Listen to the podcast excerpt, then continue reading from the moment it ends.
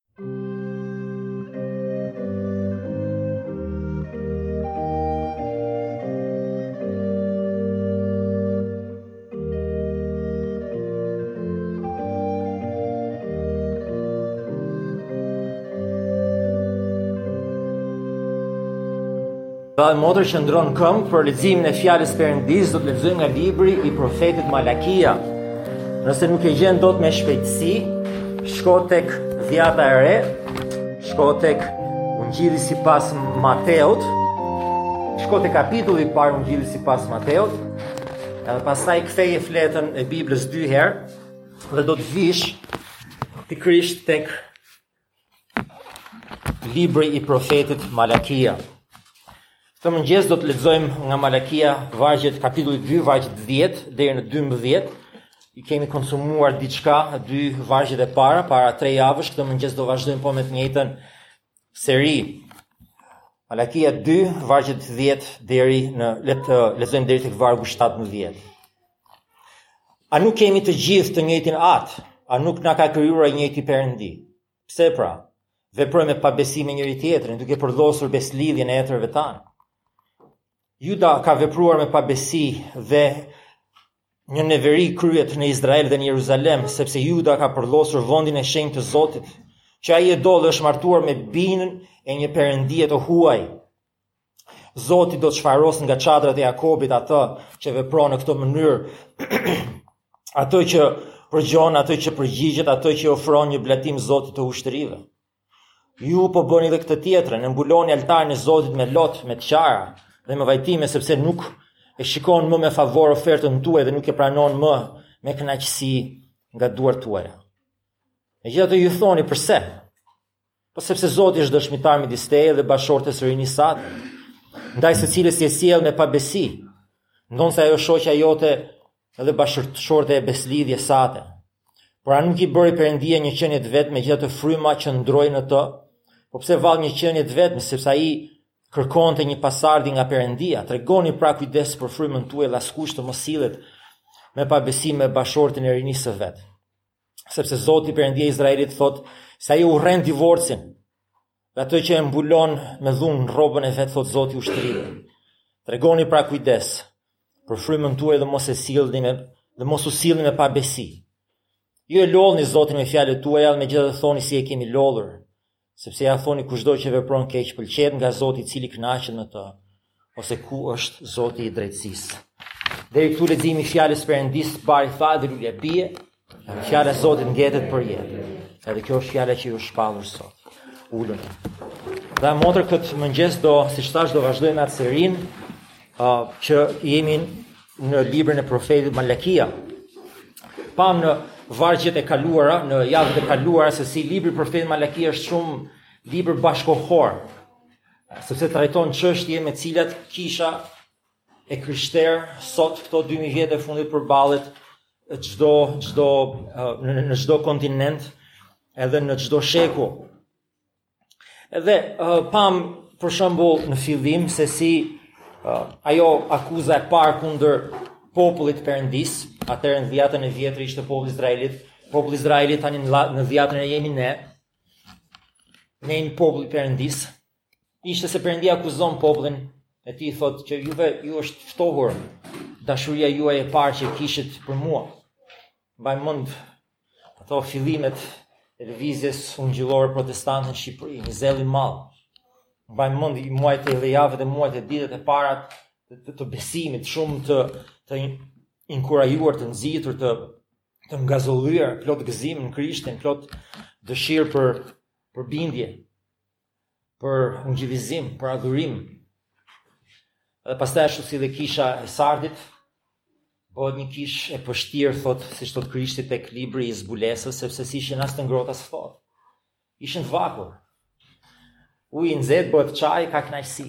Uji i ftohtë në verë pihet me shumë dëshirë, ka kënaqësi. Uji i vakët nuk ti, nuk pihet as në dimër dhe as në verë. Një ujë gjysëm i kripur, gjysëm i papastër, gjysëm i turbullt, gjysëm i paturbullt. Një ujë që nxjerr zorrët e Perëndisë. Kur ne jemi thirrur që të pimë nga uji i jetës, dhe të jemi si uji i jetës. Edhe kjo është dhe eksperienca e popullit të Izraelit në këto kohë. Këta kanë qenë në rebelim ndaj Perëndisë, dhe Perëndia për t'i disiplinuar, jo për t'i gjykuar edhe dënuar përjetësisht, por për t'i disiplinuar dhe shenjtëruar i çon në mërgim në Babiloni. Edhe një prej mëkateve të tyre të shumta ishte që bënin dy gjëra, adhuronin perënditë e huaja Lejonin perënditë e huaja në mesin e tyre, madje martoheshin me gra që vinin nga perënditë e huaja dhe kishin për qëllim që të konvertonin popullin e Izraelit në paganizmat e kombeve që i rrethonin. Edhe kur shikon historinë e mbretërve të Izraelit, të gjithë janë uh, fillimisht e nisin mirë dhe pastaj e vazhdojnë absolutisht keq. Sepse jo vetëm që martohen me, me gra që nuk besonin, por lejojnë gratë e tyre që të që tu tu, t'u rrënojnë jetën shpirtërore të, të fëmijëve të tyre duke i bërë paganë si si ato vetë. Edhe më pas madje duke stabilizuar um, tempujt pa, të, të perëndive të huaja, perëndive pagane në tokën e shenjtë të Izraelit. Edhe për këtë qëllim Perëndia i çoi në Babiloni për shenjtërim që ta mësonin mësimin. Edhe ti mendon se këta kanë mësuar mësimin sepse Perëndia i kanë kthyer nga Babilonia tani përmes Ezrës Nehemias ka filluar, është bërë ndërtimi i Jeruzalemit, është bërë ndërtimi i tempullit, ka filluar adhurimi i Perëndisë në tempull gjë e mrekullueshme. E ja që këta vazhdojnë vazhdimin. Këta vazhdojnë vazhdimin. Vazhdojnë të bëjnë po ato gjëra që kishin bërë etërit e tyre, thua se s'e kanë mësuar mësimin kurrë. Ah, po, një diçka e kanë mësuar. Këta nuk fusin më perënditë, statujat e perëndive të huaja në tempullin e tyre. Po këto një gjë e kanë mësuar, këta nuk adhurojnë më perënditë e amonitëve, moabitëve, edhe të filistenjve, nuk adhurojnë perënditë e grekëve dhe romakëve, tempullin mundojnë ta mbajnë pastër, shërbesën e adhurimit e mbajnë pastër, e kanë një shërbesë adhurimi të reformuar. Kanë reformuar qeverisjen e popullit Perëndisë, kanë pleq, kanë dhjakonë, kanë pastorë nëpër ato sinagogat e tyre. Edhe çdo gjë duket sikur është ndryshe, shumë ndryshe nga nga 50 vjet, 70 vjet më parë. Por jo gjithçka është ndryshe sepse shikojmë aty që këta ndërsa kanë këtë një adhurim të reformuar në sinagogë, një adhurim të reformuar në tempull Perëndia nuk i dëgjon lutjet e tyre. Sepse problemi i këtyre është se Idhujt tashmë i kanë në zemër. Nuk i kanë të dukshme. Nuk i kanë në tre dimensionale, në forma statujash. Por i kanë dikund të fshehura në zemrën e tyre, siç thotë ai teologu i, i njohur dhe i vjetër i Reformacionit John Calvin, tek libri i psalmeve, tek komentari i tij tek parathënia, thotë që zemra e njeriut është fabrikë idhujsh. Edhe ky është konteksti në të cilin tani vijmë tek libri i profetit Malakia. Këta bëjnë edhe një palaçollëk tjetër. Për shkak të idhullit që kanë në zemër, që është leku, siç thotë Jakobi që dashuria për paranë është rrënja e gjithë të këqijave se ne Shqiptarët themi që dashuria, leku është rënja gjitha të qia dhe jo, përëndiha është pasaniku më i madh i botës. Nuk është pasuria burimi i të këqijave. Në, në Bibël, në Dhiatën e vjetër, në Dhiatën e re ke, uh, milionerë të njohur, Abrahami ishte mbret, Davidi ishte mbret, në Dhiatën e re kemi Jozefin e Arimatesë, që ishin pasanikë, kemi Nikodemin që ishte pasanik edhe megjithatë këta e donin Jezusin me gjithë zemrën e tyre. Sepse nuk është problemi tek paraja, problemi është tek dashuria për para. Ajo është thot Bibla është rrënja e gjitha të këqijave. Dhe gjëja tjetër që këta po bëjnë është për shkak të dashurisë për para, këta po ofrojnë në tempull si adhurim ato gjëra që janë të papranueshme për Perëndinë. Duhet të sillnin të dhjetën e tyre në tempull në formën e kafshëve. Por që Perëndia kishte thënë duhet të jenë të përsosura. Duhet të jenë të pa, jo të çala, jo të meta, jo qorre, jo të kafshuara nga ujku rrugës, apo coftina që i ke gjetur anës rrugës, gjysëm gjallë e ti merr me vete dhe i çon në tempull. Perëndia nuk don që adhurimi ynë të jetë gjysmak, të jetë me gjysëm zemër, apo të jetë dhe i papërsosur. Edhe ju, kur e mbuluam atë, kur e studiuam atë kapit pjesën e dytë e kapitullit një thashë, uh, se si dikush më thotë që në kishën ortodokse besimtarët, shpeshherë ai që, që hap arkën gjitha aty 2.000 leksha të grisur, edhe ai tjetri ka futur një 2.000 leksh të grisur në kishë dhe ka marrë 5.000 lekë qirinj. Edhe, edhe kjo është ajo çfarë ne bëjmë shpeshherë, adhurimin tonë, adhurimin që ne duhet t'ia japim Perëndisë tonë me tërë fuqinë e qenies tonë, ia japim me gjysëm zemër. Perëndia kërkon gjithë ditën e diel që të jetë për lavdinë e tij, për e përkushtuar ndaj tij dhe ne sa mezi i japim një disa thërrmija nga dita e diel, ndoshta një orë, ndoshta një orë e gjysëm. Edhe atë ardhjen në kishë e kemi me shpejtësi se jemi ende të paprigatitur, nuk kemi zgjuar sa ç'duhet herët e kemi printuar buletinin në mëngjes, nuk kemi bërë siç duhet përgatitjen shpirtërore edhe edhe trupore të ardhje për të ardhur në prezencën e Perëndisë. Edhe i ofrojmë Perëndisë një adhurim gjysmak. Edhe shpresojmë që duke qenë këto gjysëm zemre marrëdhënien me Perëndinë e presim që Perëndia nga ana e tij të na japë tërë zemrën e tij. Edhe kjo është pjesa e parë e kapitullit të dytë kur Perëndia thotë që ai i mallkon bekimet e këtyre priftërinjve që e bëjnë çdo gjë me gjysëm zemre. e bëjnë çdo gjë, sa për të kaluar radhën, sa për të lëvizur buzët, edhe nuk nuk e kanë zemrën aty ku i kanë buzët. Dhe madje përmes jetës tyre kanë larguar thot Perëndia shumë shumë nga ungjilli. Tek pjesa e pasazhit që vim sot tek vargjet 6 te 2, vargjet 10 deri në 16. Këtu tani kemi një një realitet tjetër. Perëndia futet aty ku asnjëri prej nesh si pastore, si pleq nuk dëshiron të futet në jetën e tjetrit. Që janë marrëdhëniet personale. Edhe kjo është një gjë që kam mësuar mas shumë viteve, është që mënyra më e shpejtë për t'u prishur me dikë është ta pyesësh apo të ndërhysh marrëdhëniet um, um, emotive apo emocionale apo romantike apo apo martesore të dikujt, aty menjëherë ngrihet një një strukturë prej hekuri që tjetri nuk të lë të futesh brenda. Edhe Perëndia thotë që jo. Perëndia thotë që jo. Um, Nuk ka asnjë centimetër katror që nuk më përket mua, thotë Jezusi, edhe prandaj edhe merret dhe me këtë gjë. Perëndia flet për personin se me kë duhet martohemi, uh, nëse duhet martohemi në Krishtin apo jo. Edhe pasi jemi të martuar, nëse uh, lejohet divorci për të për t'u martuar me një person jo besimtar, dhe kjo është qëllimi i pasazhit. Sepse këta po bënin dy gjëra, në fakt është e njëjta gjë, po nëse e themi të ndarë në dy pjesë. Një pjesë e këtyre preferonin që të martoheshin me gra jobesimtare. Siç lexojmë nga pasazhi, janë martuar, preferojnë të martohen me gra të një perëndie të huaj. Këta që janë beqar. Këta që janë të martuar, çfarë po bëjnë po ndanin gratë e tyre që të martoheshin me gra pagane. Pse ka shumë spekulime, nuk e di. Ndoshta kanë kanë një lloj interesi, politik, ndoshta janë këta persona që duan të bëjnë karrierë politike në perandorinë asiriane, janë janë ende janë janë nën, nën persët, janë janë ende pjesë e një perandorie, mos ndoshta ishte kusht um, që duhet të kishe lidhje me kryeqytetin që të bëje përpara sipër në perandori. A nuk e di, është është spekulim, sido që të jetë, akti është ky. Këta që janë beqar po martohen me gra pagane, këta që janë të martuar po ndajnë gratë e beslidhjes me Perëndinë edhe po, po martohen me gra pagane. Edhe ky ky është konteksti edhe mëkati i kësaj gjëje. Po përpara sesa të mendojmë se pse është kjo gabim, duhet të kuptojmë besëlidhjen. Duhet të kuptojmë sepse kjo kur profeti argumenton këtu së pari ai argumenton nga nga nga këndvështrimi i besëlidhjes. Ka një diçka. Pse çfarë është ajo gjë që i bën gjërat mirë apo keq? Po është besëlidhja e hirit që Perëndia ka bërë me popullin e tij.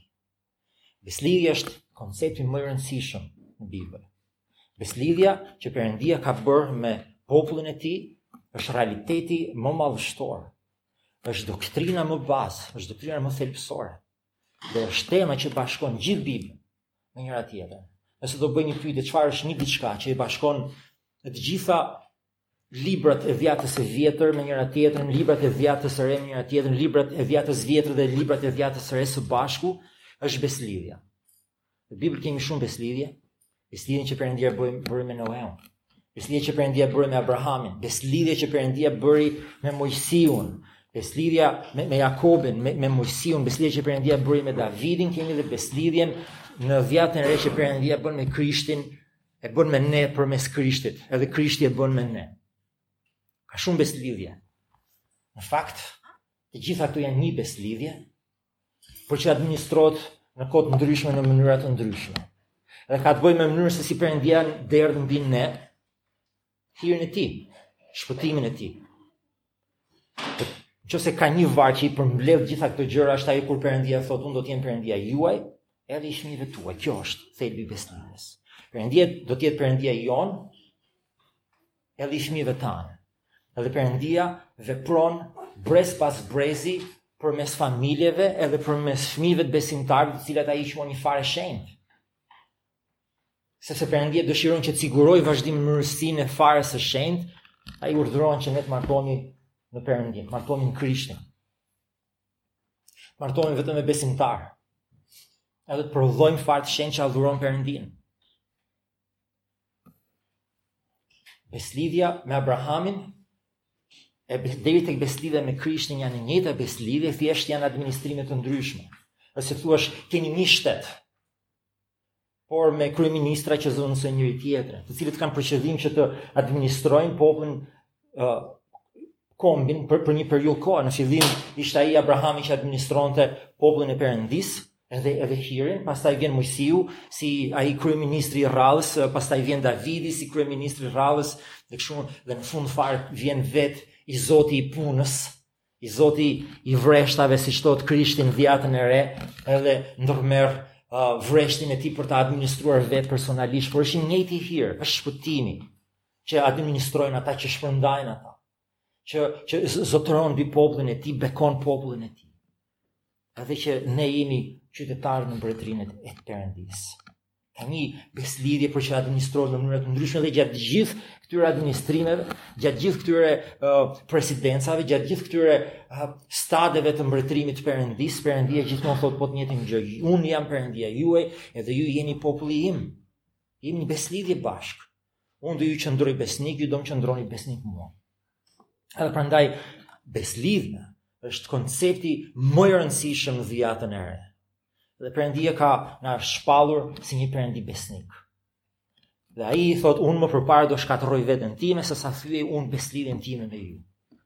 E dini se si e ka bërë këtë gjë? E dini se si e ka vulosur Perëndia këtë gjë? Në Dhiatën e Vjetër e ka vendosur në mënyrën më spektakolare. Tek Zanafilla 22 lexojmë se si Perëndia rifreskoi marrëdhënien e tij me Abrahamin. Abrahami nuk ishte i sigurt nëse Perëndia do t'i qëndronte besnik sapo e kishte takuar, nuk kishte shumë vite. Nuk ishte mësuar ende në mënyrën se si Perëndia i bën gjërat.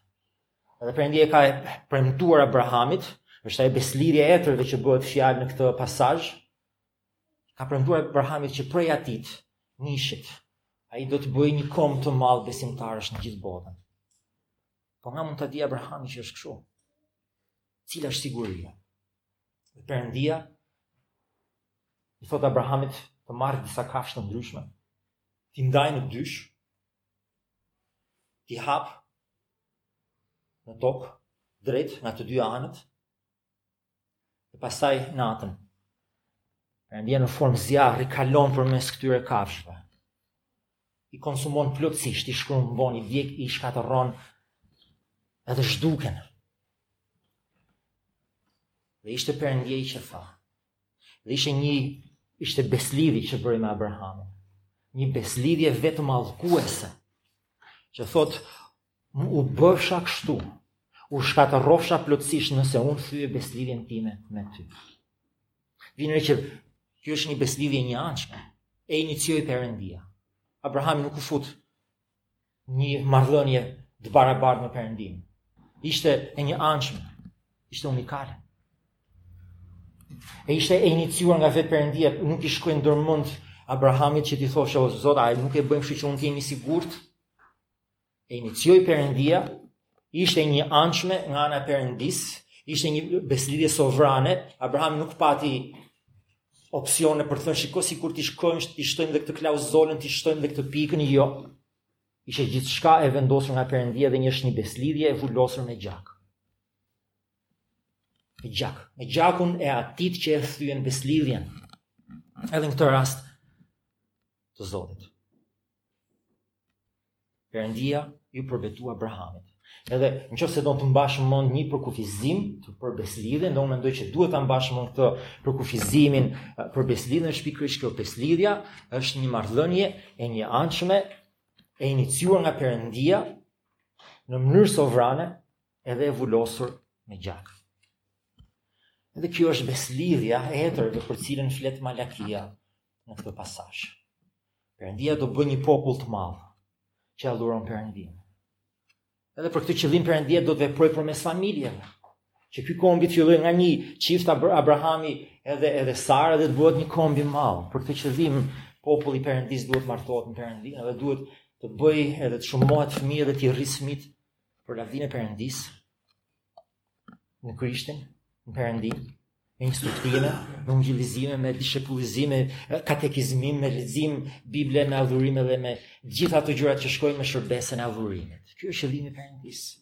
Kjo është përse Perëndia dha martesën. Arsye e dytë përse Perëndia dha martesën është gjithashtu që të ishte edhe si thuash ajo ilustrimi ilustrimi se sa shumë Perëndia e don popullin e tij.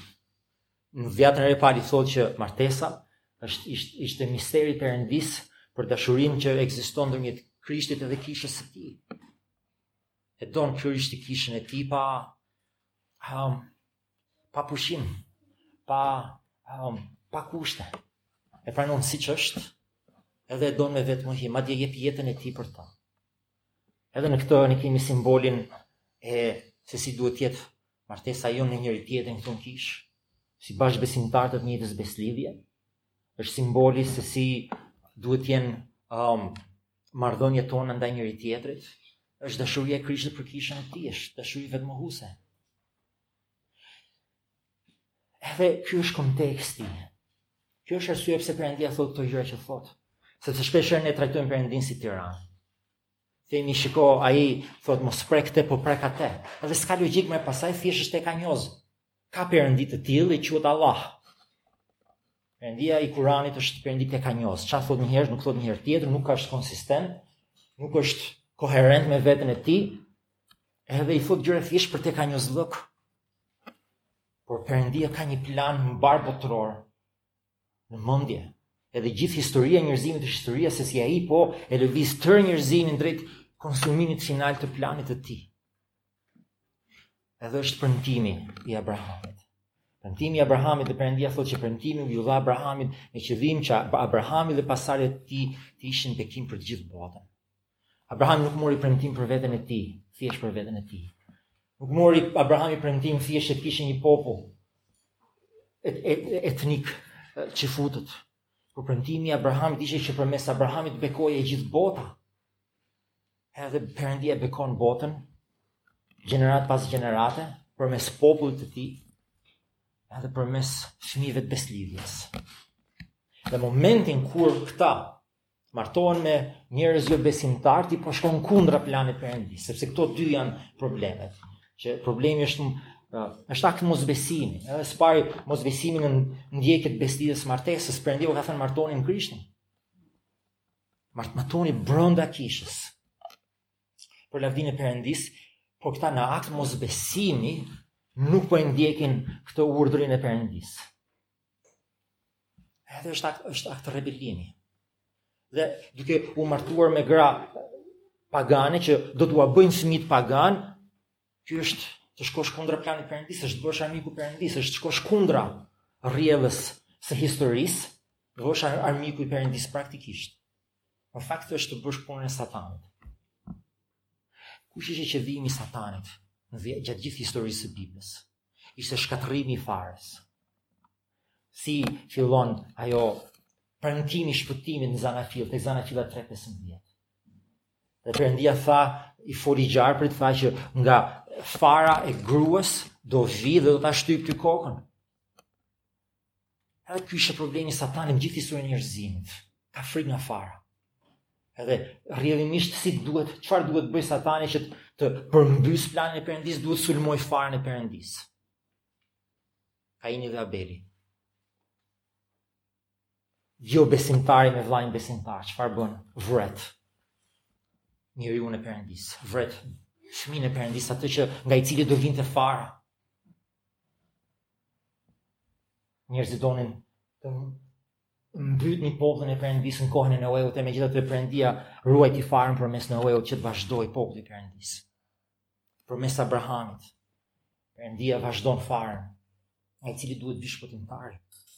Dhe gjatë gjithë kohës populli i Perëndisë është në rrezik zhdukjeje, i shkon shumë afër, herë pas herë i shkon afër zhdukjes totale.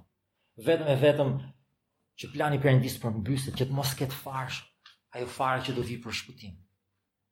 Edhe shikojmë gjatë gjithë kohës, satani sulmon popullin e Perëndisë në Dhiatën e vjetër. Armiqtë e Perëndisë donin që ta shkatërronin Izraelin dhe nuk mundeshin dhe çfarë i thonin, morën një profet të rremë që ta mallkonte popullin e Perëndisë, u mundua tre herë. Edhe nuk e mallkonte dot sepse nuk e linte fryma e Perëndisë. Atëherë ky profeti i rremë i thotë mbretit të kombit kundërshtar i thotë shiko ka një mënyrë tjetër. Se unë nuk i mallkoj dot. Po do të bëjmë diçka tjetër, do ti atë çfarë nuk mund ta shkatërrojmë, ne mund ta korruptojmë. Dhe kështu ai kombi kundërshtar çon vajzat e tyre të zbukuruara të rregulluara vetëm vetëm për t'ua prishur mendjen bijve të Izraelit u morën në martesa edhe një gjeneratë fëmijësh u bënë paganë. Dhe kjo ishte mënyra për të shkatërruar planin e perëndisë. Dhe po të njëjtën gjë ne shikojmë gjatë gjithë periudhës së mbretërve, siç lexojmë tek uh, tek mbretërit edhe tek kronikat, se është kjo është historia. Është një histori ku populli i perëndisë mbretërit që duhet ish të ishin figurat e Krishtit që po vinte, duhet të prodhonin një farë të shenjtë që të që të çonin përpara popullin e perëndisë dhe ata po prodhonin jobesimtarë, po prodhonin paganë, po prodhonin armiq të perëndisë, edhe edhe shikojmë në historinë e Izraelit kemi kemi keq edhe më keq, gjeneratë pas gjenerate. Edhe për këtë arsye Perëndia i çon në mërgim në Babiloni. Sepse plani i perëndisë nuk mund të bjerë. Dhe tani ka 100 vjet që janë kthyer nga Babilonia dhe ti mendon këta e kanë mësuar mësimin, nuk është puna thjesht tek adhurimi i pastër. Puna është tek plani shpëtues i perëndisë për gjithë botën fara e Izraelit duhet të vazhdojë me qëllim që të vijë Krishti prej saj. Ky ishte qëllimi i Izraelit, ishte pjesë e planit shpëtues të perëndisë për gjithë botën, duhet të ishte konteksti nga do vinte shpëtimi. E çfarë po bëjnë këta? Këta po shkatërrojnë vetveten si komb.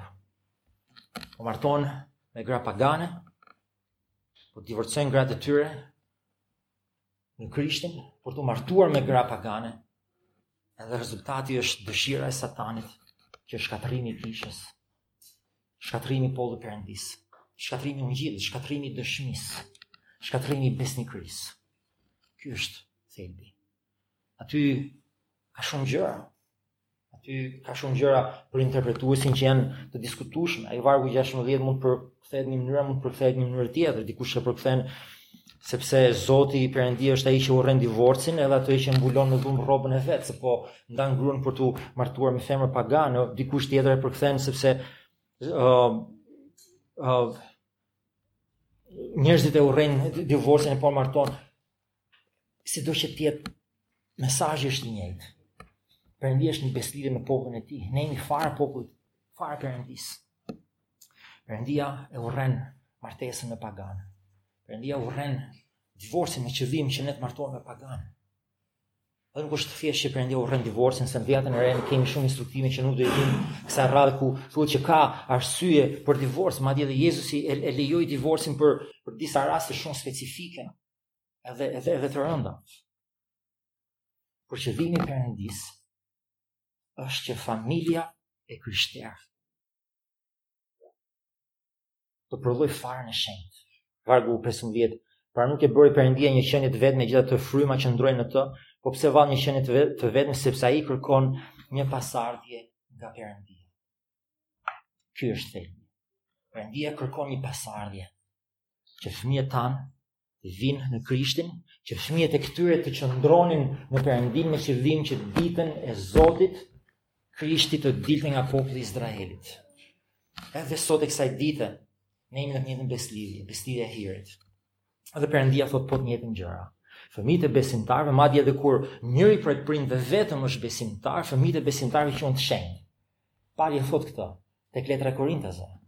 Kur vetëm nëna besimtare mund të jetë e, uh, vetëm nëna mund të jetë besimtar, apo vetëm babai mund të jetë besimtar, Perëndia i fëmijët e tyre i quan të shenjtë. Çfarë do të thotë kjo? I quan të veçuar për qëllimet e Perëndisë. I quan të veçuar për lavdinë e Perëndisë. I quan të, të, të, të veçuar për veten e vet, është populli i Perëndisë. Fara e shenjtë. Fara e veçuar për qëllimet e Perëndisë që përmes nesh edhe fëmijëve tanë shpëtimi i Perëndisë të vazhdojë edhe të predikohet në gjithë botën. Që kisha e Perëndisë të qëndrojë, që emri i Krishtit të ngrihet lart, që adhurimi i shenjtë i Perëndisë triune të vazhdojë për jetë. Tani unë e di që këta të rinjtë që kemi të pamartuar në mesin tonë, nuk kanë shpresoj ndërmend që të martohen me jo besimtar. Po kjo është për juve, që të kesh kujdes. Se në momentin e martimit, e martesës me jo besimtar ti, po bie në kthetrat e punën e satanit. Për ne të tjerët që jemi të martuar, nuk mendoj që ka rrezik që ne të martohemi me jo besimtar se tashmë e kemi mbledhur mendjen. Por çfarë neve na ngelet për të bërë si aplikim nga ky pasazh ka të bëjë me fëmijët tanë. Në mënyrën se si ne i rrisim fëmijët tanë. Në mënyrën se si ne i rrisim në frikën edhe në në instruktimin e Perëndisë. Dhe Perëndia neve na thërret përmes këtij pasazhi në këtë uh, kontekstin ku ne jemi, në këto marrëdhënie që ne jemi, që ne të rrisim fëmijët tanë për Perëndinë. Të rrisim fëmijët tanë në fjalën e Perëndisë. Të rrisim fëmijët tanë që të jenë ushtarë të Krishtit. A e dini se uh, në dhjatën e vjetër thuhet që fëmijët e besëlidhjes janë heshta dhe shigjeta. Heshta dhe shigjeta nuk janë nga ato plastiket që janë për të luajtur. Si ai që ka hansi edhe, edhe beta. Janë heshta lufte, janë shigjeta lufte. Thirrja jonë është që fëmijët tanë të bëhen luftëtarë, si ne, që ne të jemi militantë të militantojmë, që fëmijët tanë të jenë ushtarë të Krishtit. Në jetën e tyre, pa e vënë dorën në shpatë, pa e mbledhur grushtin, pa dhënë ofendimin, por përmes jetës së tyre, përmes besimit, përmes qëndrueshmërisë, përmes lutjes e adhurimit, përmes agjërimit edhe ungjillizimit, fëmijët tanë të jenë si ne. Të jenë heshta edhe edhe shigjeta në dorën e Perëndisë për të përmbushur qëllimin e tij në këtë botë. Kjo është thirrja jonë si prindër. Edhe pyetja është për këtë qëllim ne kemi reformatuar shërbesën e së mërkurës. Sepse nuk ka gjë më të mirë edhe përgatitje më të mirë për t'u bërë gati për t'u përballë me botën atje se sa të mësosh doktrinën e kishës tonë. Që ne po e bëjmë përmes uh, mësimit të uh, katekizmës së shkurtër, është doktrina e kishës tonë. Për këtë arsye ne si kishë duhet të kemi madje edhe shërbesë uh, grash, duhet të mësojnë gratë e krishtera, se si ne të rrisim fëmijët tanë në, në Krishtin.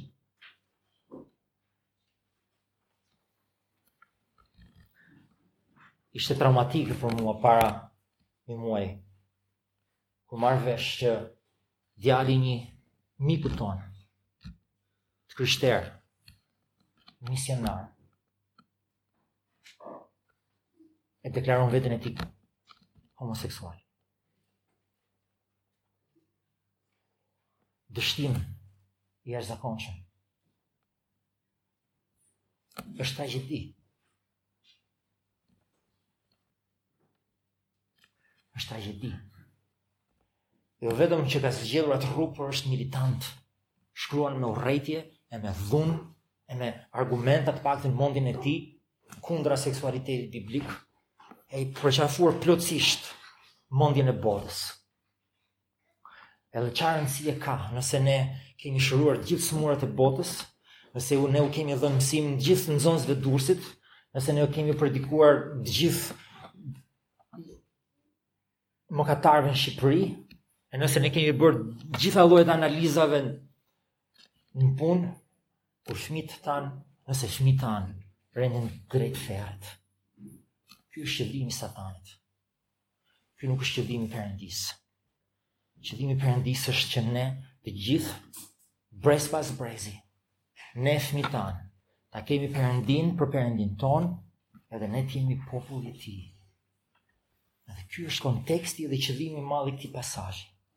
Pastaj ato gjërat e tjera janë të rëndësishme, po janë më të vogla, po pa këtë vizionin e madh që Perëndia ka për familjen e krishterë, Askush nuk mund ta kuptojë apo aplikojë këtë pasazh.